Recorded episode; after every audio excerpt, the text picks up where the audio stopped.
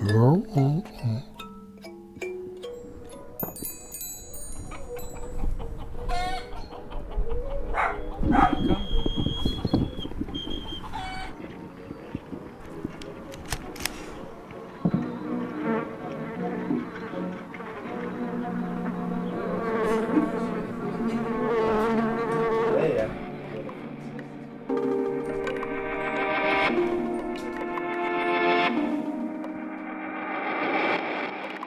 Velkommen til Lydkunst. Hvorfor skabe et lydværk til fluer eller spille 10 minutter på en hjemmebygget violin? Det prøver Anne Neumann Clement i denne her udgave af Lydkunst at finde ud af. For vi dykker ned i den 75-årige konceptkunstner Mogens Otto Nielsens lange virke som en kunstner, der altid har søgt uden om de etablerede kunstinstitutioner – Anne har været i Nordjylland for at besøge Mogens Otto og prøver at finde ud af, hvordan et kunstnerliv ser ud, når, som han selv siger, alt er kunst. Og så skal vi selvfølgelig lytte til hans eksperimenterende lydværker fra 1970'erne. For sidste år blev hans kassettebånd Den Dynamiske Violin genudgivet af forlaget Antipyrin. Anne har også talt med kurator Magnus Kaslov fra Institut for Dansk Lydarkeologi. Mit navn er Rosa Marie Frank. Og det her er den 39. udgave af Lydkunst. Og vi starter hos Anne, der fortæller om hendes første møde med Mogens Otto Nielsens værker. Første gang jeg hører om Mogens Otto Nielsen, er ved et fag om kunstnerbøger og alternative kunstnetværk på Københavns Universitet. Min underviser præsenterer os for et hav af særlige kunstudgivelser og publikationer, men særligt en skiller sig ud – det er en stor lyserød bog på 300 sider, printet i kraftig, lækker kvalitet. Bogen er en lang collage med billeder fra et langt liv, hvor kunst, performance og hverdagsliv smelter sammen. Det er en bog, som gennem tiden har været med til at give mig troen på kunsten tilbage, når det hele begyndte at handle lidt for meget om at komme i stald hos det rigtige galleri, eller sige noget klogt og helst meget alvorligt om den. Mogens Otto Nielsen har boet det meste af sit liv i Nordjylland. Her har han sit kunstneriske virke, som altid har handlet om at skabe eksperimenter udenom de etablerede kunstinstitutioner. Hvad færre måske ved, har han også eksperimenteret med lyd siden 70'erne. Her optog han ofte reallyd og sendte det rundt med posten som en del af mailartbevægelsen. Det er med hans kassettebånd, den dynamiske violin, og det store pink collageværk Atmosphere Controlled i bagagerummet, at jeg kører op til den gamle nedlagte landsbyskole i Nordjylland, for det er her Mogens bor sammen med sin kone Jytte. En vis ærefrygt har jeg også med i bagagen, og usikkerhed. For indtil nu har jeg kun talt med Jytte, som klarer al kommunikationen til deres fælles mailadresse. Destination er på din højre side, Tylstrup 43.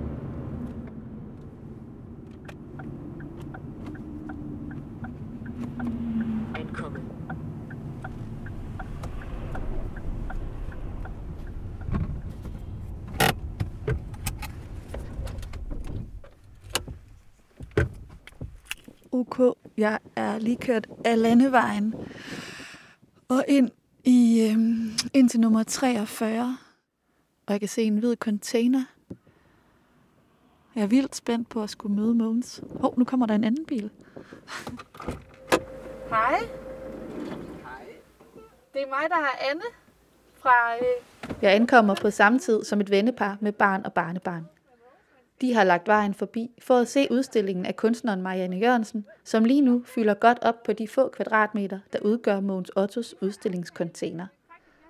En container ved landevejen, hvor han præsenterer skiftende udstillinger i tre timer hver weekend eller efter aftale.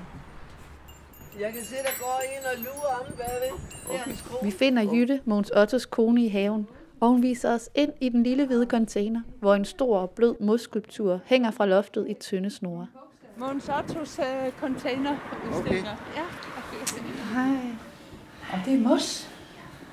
Er det meget flot? Ja, det er meget flot. Man får sådan lyst til at kravle ind i det. er mine børnebørn. De må ikke. Man må ikke. Men må man godt røre den? Ja, man må godt røre den. Hvordan har du fået mos på det? Vil du prøve, at røre den, Det ligner en trompet. Ja, det gør det faktisk. Ja, det gør det faktisk. Hvad hedder den?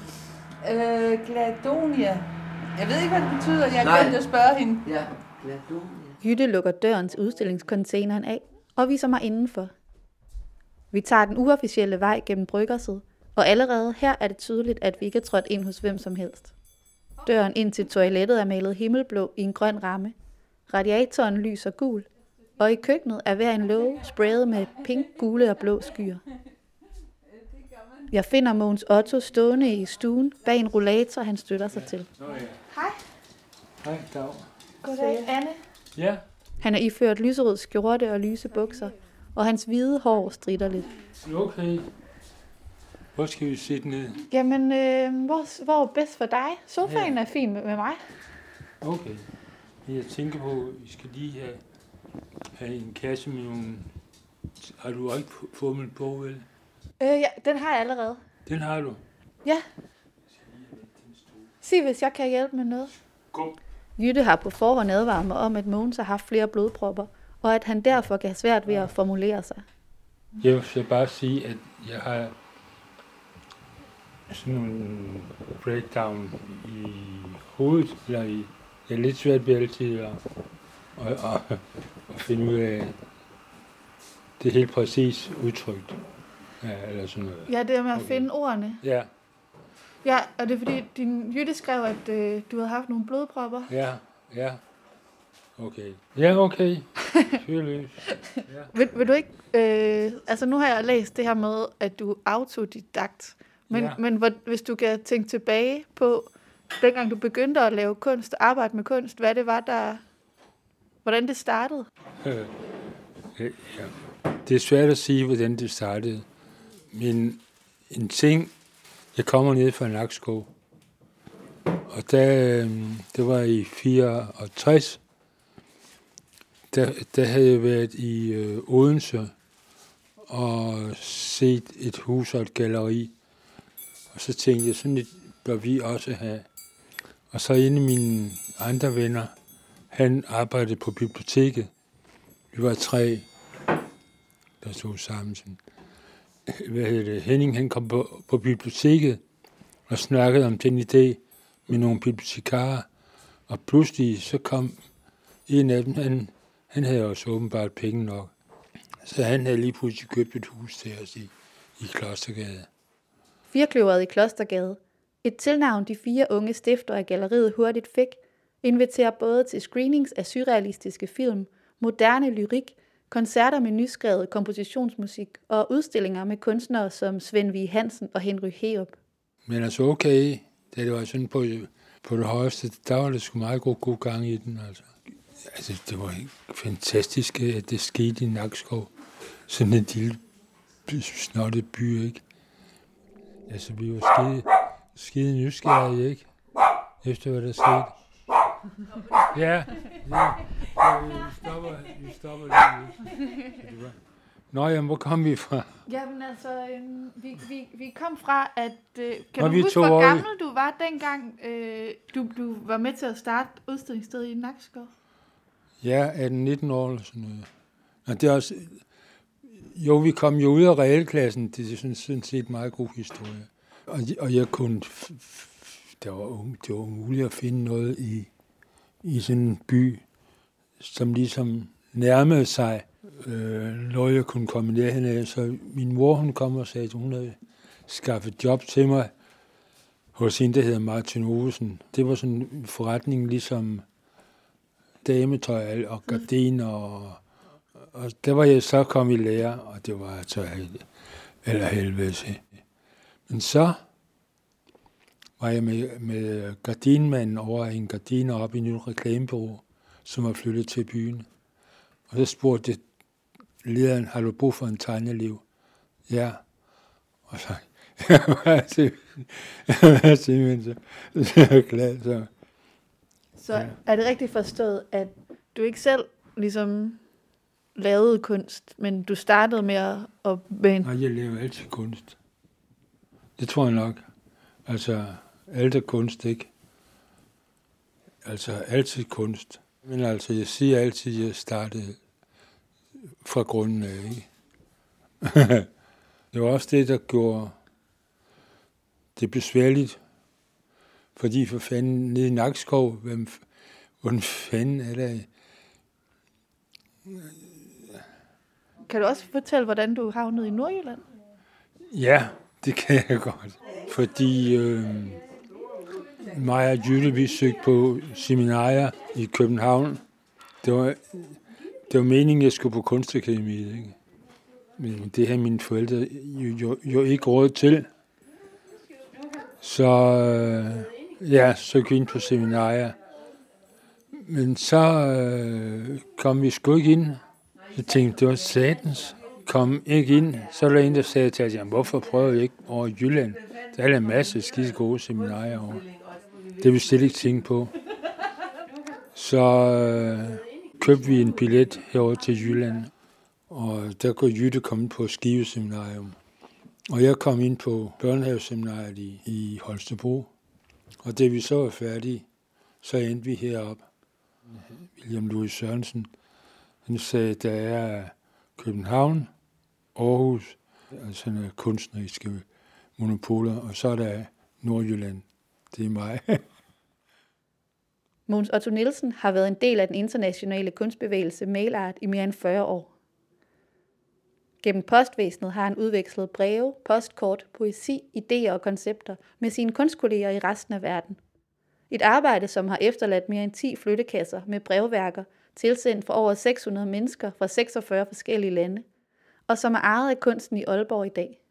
Og fanden begynder det, sluttede det. Der skete det, at øh, i de første 10 år, der i 70'erne, der jeg lavet en masse eksperimenterende kunst. Og jeg fik øh, kontakt med, med andre tilsvarende kunstnere. Sammen med kunstnerne Carsten Schmidt Olsen og Niels Lumholdt har Måns Otto været bannerfører for Mailart i Danmark. Så var det, jeg mødte Carsten Schmidt Olsen fra, fra Jørgen, som var i gang med Mailart. Og det gik jeg også ind i. Bevægelsen blev startet af fluxuskunstneren Ray Johnson i New York i slut 50'erne, ud fra en anarkistisk idé om at skabe et distributionsselskab udenom gallerier og museer, og på den måde overkomme afstande og ophæve grænserne mellem centrum og periferi.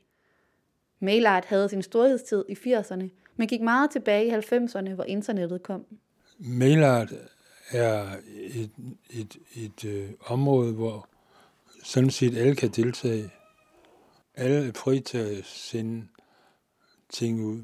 Og det var sådan ligesom det, der betonede alle mange af de ting, det var, at man ville være fri af alle de der faste organisationer, som store museer og ting og sager. Være fri fra alt det, alt det der, ikke? Simpelthen. Kassettebånd var en af de ting, der ofte blev sendt rundt med posten. Nogle gange som beholder for udklip, breve og små genstande, som for eksempel ballonger. Andre gange med optagelser.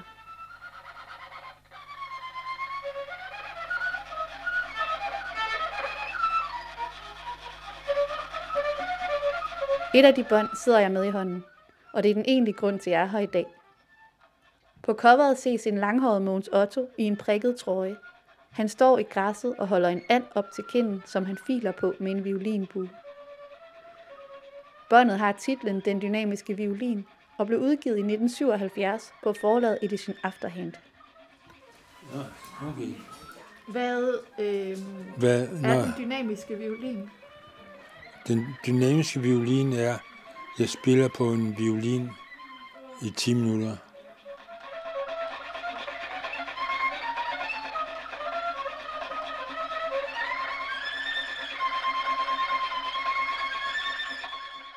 Kan du spille?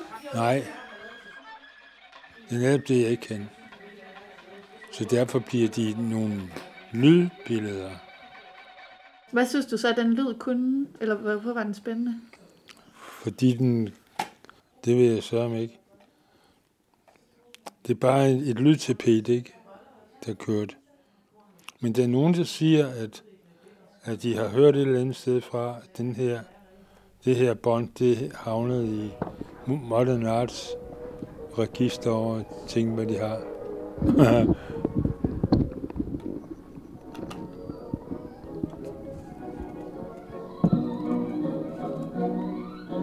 ja. Ja, det, det er to sider, ikke? Øhm, og på den ene er nummeret bare den dynamiske violin, og så side to der er der både musik for fluer og stykke for hund og middagskoncert. Kan du komme ud med dig? Nico! Hvad fanden i helvede kører sådan en møgbeskiven? Kan du komme ud? Kan du komme ud med dig? Hvad satan? Kan du komme ud med dig? Nej! Ud! Ud! Så er det ud for fanden i helvede, nej! og en dags pilefløjte. Ja. Så øhm! Hvad med de der fluelyde?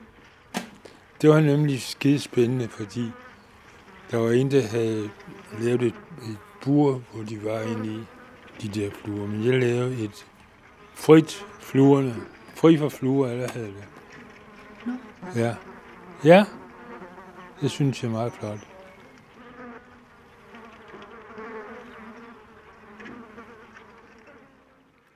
I København sidder en ung mand, der sidste år var med til at genudgive kassettebåndet Den Dynamiske Violin, sammen med Foreningen Institut for Dansk Lydarkeologi. Her er det Magnus Kaslov. Jamen, jeg hedder Magnus Kaslov, så er jeg øh, til dagligt museumsinspektør nede på Museet for Samtidskunst, men er også en del, som sådan et, et øh, frivilligt eller hobbyprojekt, øh, en del af den lille forening, der kalder sig Institut for Dansk Lydarkeologi. Øh, og vi arbejder sådan helt kort fortalt med at grave de dele af den danske lydkunsthistorie og den eksperimenterende optaget lydshistorie frem, som man stadigvæk kan høre. Altså der er, øh, der er masser, eller der er mange folk, der arbejder med lyd og lydkunst på kryds og tværs, men øh, instituttets øh, sådan selvbestaltede mission, eller hvad man kalder det, det er ligesom at finde øh, lyden og gøre den hørbar igen. Og et af de øh, projekter, I har kastet jer over, det er en genudgivelse af det her kassettebånd, vi sidder med her. Mogens Otto Nielsens øh, dynamiske, den dynamiske violin. Øh, der er optagelser indeni fra 70 og op til 77. Jeg kunne godt tænke mig, at vi lige hører lidt, øh, hvis øh, jeg kan få den her sat ud. Øh, se.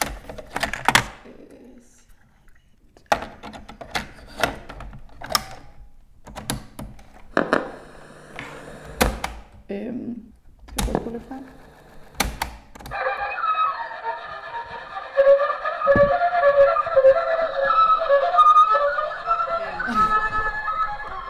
Nu har vi skruet ret meget ned, men det er stadig sådan en lille smule, jeg vil ikke kalde det enerverende, men sådan øh, insisterende måske.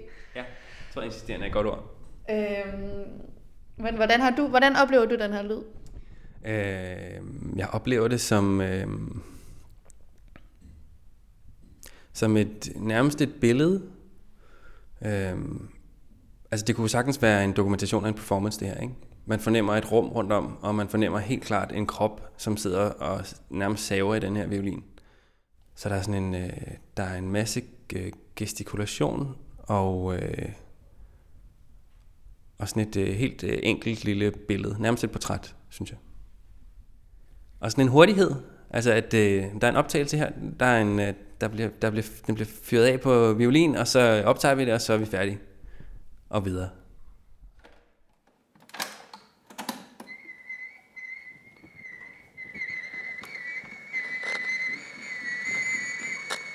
Jo, jo, jo, og så er der det sidste stykke på side 2, som hedder En dags pilefløjte, som er sådan en optagelse, eller i hvert fald, øh, eller måske flere optagelser, der er lagt sammen af, af pilefløjtespil.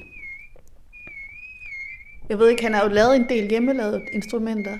Er- Har du en idé om, om det også er en hjemmelavet pilefløjte, han spiller på her? Det tror jeg bestemt, der. Eller der er det der med pilefløjter, at, øh, at man skal være hurtig, når man laver dem, og de, de, øh, de, de dur kun et døgn. Så der har sådan, det passer meget godt med, med at, øh, at Måns Otto han er sådan en, en del af... Jeg ved ikke rigtig, hvordan man skal klassificere ham. Han er vel sådan en øh, hjemmelavet, og det mener jeg virkelig på bedst mulig måde, version af Fluxus. Ikke? En, en ud på landet version af Fluxus, som så også har forgreninger ind i mailart og alt muligt. Og der passer det jo vældig godt, at, øh, at stykkerne er sådan nogle hurtige ting. Og pilefløjten, det er også sådan en, nu laver vi den, vi snitter den lige, og så dur den i et døgn, ikke? Så, så tørrer den, og så dur den ikke mere. Noget af de, øh, sådan, ja, det visuelle dokumentation, der også har floreret, det er det her billede, som også er på forsiden af kassettebåndet, hvor Mogens holder en and, øhm, sådan op til kinden, som man vil holde en violin øh, og spiller på den. Ja, så der er ikke rigtig noget, der er blevet, det er jo ikke rigtig blevet optaget, de her eksperiment, øh, eksperimenter med, øh, det er en hund, ged, øh, and og kat, tror jeg, han spiller på. Mm. Men, øh, En kvartet. en kvartet, ja. Men, Men jeg tror, du har ret. Altså, jeg tror også, det er, øh, det er lydværker, som kun eksisterer som billeder, og, og måske altid har været tiltænkt det. Jeg tror i hvert fald ikke, lyden af, af en and, der bliver spillet med violinbue, lyder som den dynamiske violin. Jeg tror, at det lyder mere som en and, der er svært utilfreds. men ikke desto mindre øh, kalder du dem et lydværk. Øh, ja, altså, og det, men det er, lidt, det er lidt i forlængelse af, af nogle af Henning Christiansens tanker om, øh, om andre måder at lave lydkunst på. Altså øh, lydværker, som kun eksisterer som visuelle objekter. Og det, øh, det synes jeg, de der øh, fire billeder af, af Måns, der spiller på, på dyr, også gør. Altså, der er, øh, det er lydværk, der foregår fiktivt, ikke? Inde i dit hoved.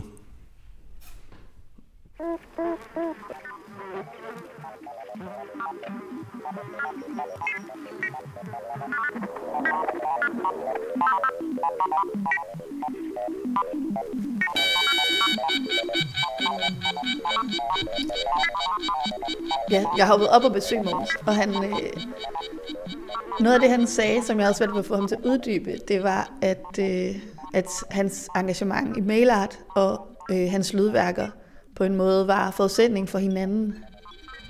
Øhm, men jeg ved ikke, om du har tænkt i koblingen mellem, mellem øh, hele det her mailart-netværk og så, øh, så den, de lydværker, han lavede. Jo, altså øh, det kan godt være, at jeg ved ikke, om de er ligesom betinget af hinanden eller hænger sammen, men de passer i hvert fald rigtig godt sammen. Altså den der idé med at lave et, øh, lave et kassettebånd, som kan distribueres, det hænger jo vældig godt sammen med mailart. Ikke? Altså at det er et, et kunstværk, som er knækket i mange stykker, og som kan spredes over hele verden. Så på den måde, der tror jeg også, at et kassettebånd har været et godt indhold til hans mailart. Ikke? Det har været nemt at sende rundt til alle mulige folk. Øh, en oplevelse, du kunne sende med posten. Og på den måde, der synes jeg i hvert fald, at de to ting hænger rigtig godt sammen.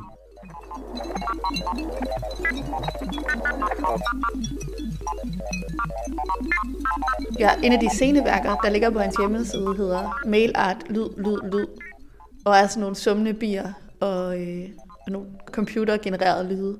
Øhm, men ja, Jamen, der er et eller andet, altså måske er der sådan et motivisk sammenfald i hvert fald, ikke? At, øh, at Mogens Otto Nielsen, han har, øh, han har arbejdet med myrer. Altså myrer optræder tit på hans ting, ikke? på hans collager og, og bøger og, og alt muligt andet.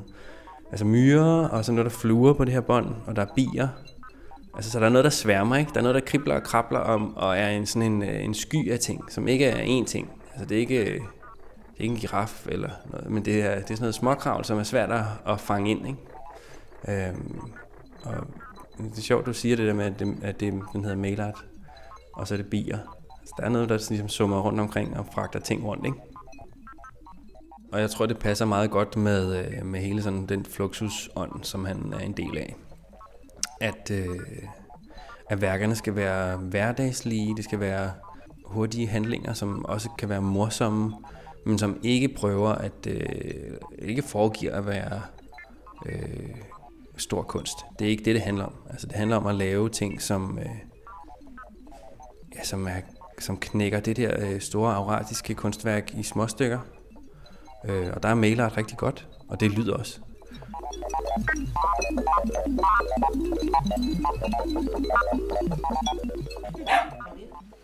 Ja, kom indenfor.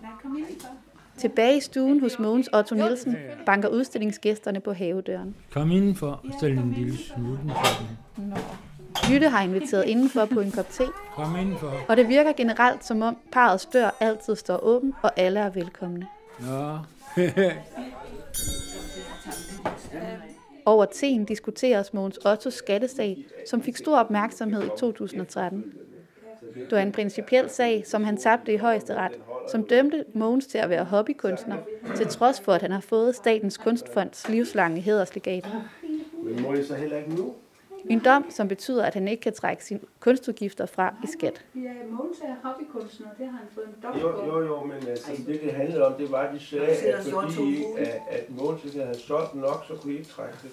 Men det er alligevel træls alligevel, ikke? Det er, altså. Fordi vi har jo kunstudgifter. Vi kan jo ikke lade være, vel? Nej, nej, selvfølgelig. selvfølgelig. Jeg blev sammenlignet med en fyr. Der var en mand, der havde nogle kanoer, som han ikke fik brugt, og det har overhovedet ikke med det at gøre. Det virker både meget sigende og temmelig paradoxalt, at Mogens Otto Nielsen er dømt til at være hobbykunstner, fordi han i en tidlig alder besluttede, at han ikke ville være afhængig af at tjene penge på sin kunst. At kunsten netop er fri. Da vi lærte hinanden at kende, der sagde Mogens, at øh, han vil ikke leve af sin kunst. Han vil have lov at lave den kunst fra hjertet, ikke også? Så derfor tog han en uddannelse som børnehavelærer, og var halvtidsjob som børnehavelærer. Og resten af tiden sad han her og udarbejdede. Efter sine blodpropper har Mogens Otto svært ved at komme omkring, og det er derfor Jytte, som viser mig hans værksted. Er det, det er ude i værkstedet? Ja. Øverst i en stigereol finder vi hans mange hjemmelavede instrumenter. Det ene musikinstrumenter, der er her, Ah, en bas og øh, elektrikerrør fløjter. Ja. og en bas mere, og en symaskine, den der sort-hvide. Og den der, hvad tror jeg, hvad kan det minde om? Hvad er det, det hedder? Et sømbræt eller noget? Ja, Nej, den har en meget fint. Og den er lavet med papier. Det er en papmaché øh, cello-agtig, Ja, som Ja. malet gul og grøn. ja. Og med en hånd, der, er- øh, det er en hånd, der er skåret ud. Den røde. Nå, ja, der holder strengene. ja. Nå ja, du skal da have lyden. Nå, det allerbedste, det er støvsugeren der. Den har Mogens spillet punk sammen med punkorkester i 80'erne, hvor han tager støvsugeren, og så sådan, den puster ud af, det er en nilfisk, der kan puste ud af, og så øh, sådan noget gummi, så den siger sådan nogle lyde. ja. Og så står der på den, send a piece of your... Nature. Kan du prøve at beskrive øh, værkstedet? Altså, at Måns har et- stort bord her, hvor han har siddet og arbejdet øh, altid, altså tegnet og regeret og, og skrevet med mennesker rundt i hele verden. Ja, og så alle de her stempler. Åh oh, ja, han har et stempel, som han er rigtig vild med. Øhm, det er, den laver en lille lyd. Det er en rund en, den, er, den laver ligesom en cirkel. Og så siger den, når han stempler. Og måske har han lagt den helt til side, så den, han er rigtig, rigtig, rigtig glad for den. Tilbage i stuen har Mogens Otto fundet nogle mapper frem med løsblade, han har udgivet gennem tiden. Det meste På et af dem har han blæst sæbebobler med tusch i, ud er- over en kraftig grå karton. Det her, det er øh, sådan nogle hvad ved det, sæbebobler med tus i. Sådan når de lander på, på, en, på en papir, så bliver de sådan her.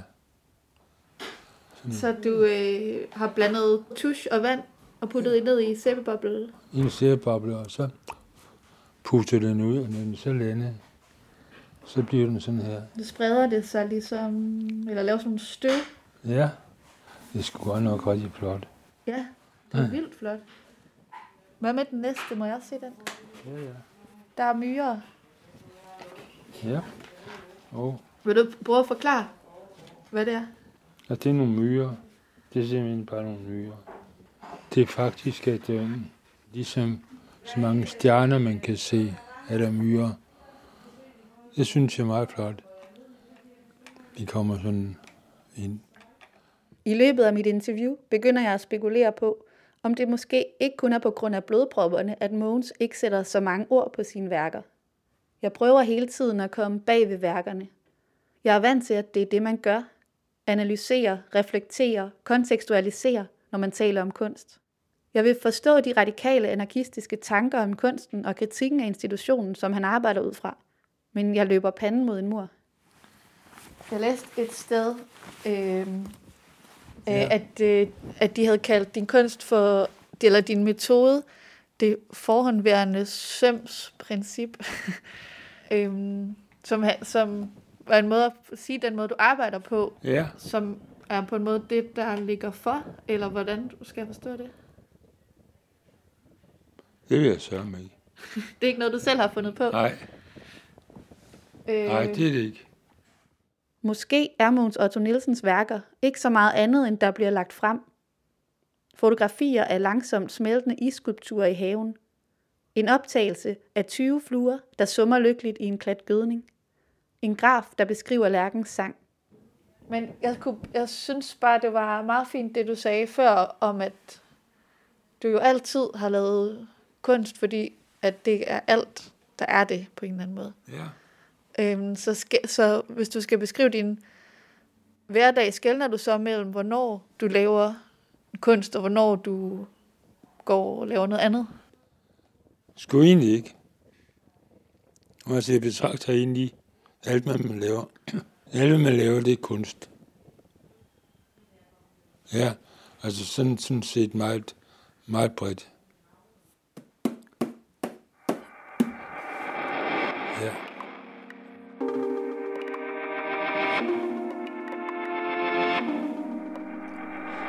Det var alt for denne udgave af Lydkunst. Det var Anne Neumann Clemens, som havde besøgt Mogens Otto Nielsen og talt med Magnus Kaslow. Du hørte optagelser fra værkerne Den dynamiske violin, Musik for fluer, Stykke for hund og middagskoncert og En dags pilefløjte, udgivet første gang i 1977. Og fra lydværket Mail Art Lyd, Lyd, Lyd fra 2012.